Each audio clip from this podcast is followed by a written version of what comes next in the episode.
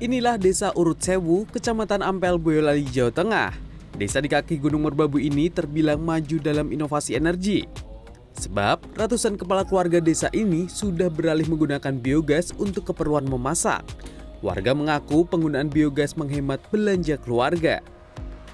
Dua tahun lebih. Eh, Memasaknya itu lebih cepat, irit. Ya kalau mem- membawa gas itu terlalu pusing carinya, kan langka. Kalau bawa biogas kan selalu ada.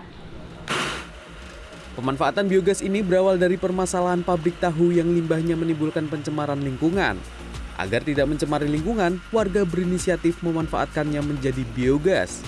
Warga kemudian secara swadaya membuat digester dan instalasi biogas yang menelan biaya hingga 80 juta rupiah. Selain untuk memasak, warga juga memanfaatkan biogas untuk menghidupkan genset yang aliran listriknya digunakan untuk menggerakkan pompa air bagi warga Dukuh Gilingan Lor. awalnya sih ada protes ya dari warga pak. Dari warga ada protes karena limbah itu mencemari sungai.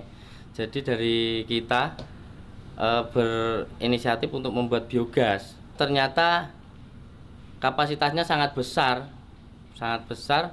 Dan untuk saya kebutuhan saya pun sudah tercukupi kelebihannya kita salurkan ke warga Eh, Selain limbah produksi tahu, biogas juga dihasilkan dari kotoran sapi. Rata-rata satu digester bisa dimanfaatkan hingga enam rumah. Sehingga total ada sedikitnya 200 kepala keluarga yang memanfaatkan biogas untuk kebutuhan dapurnya.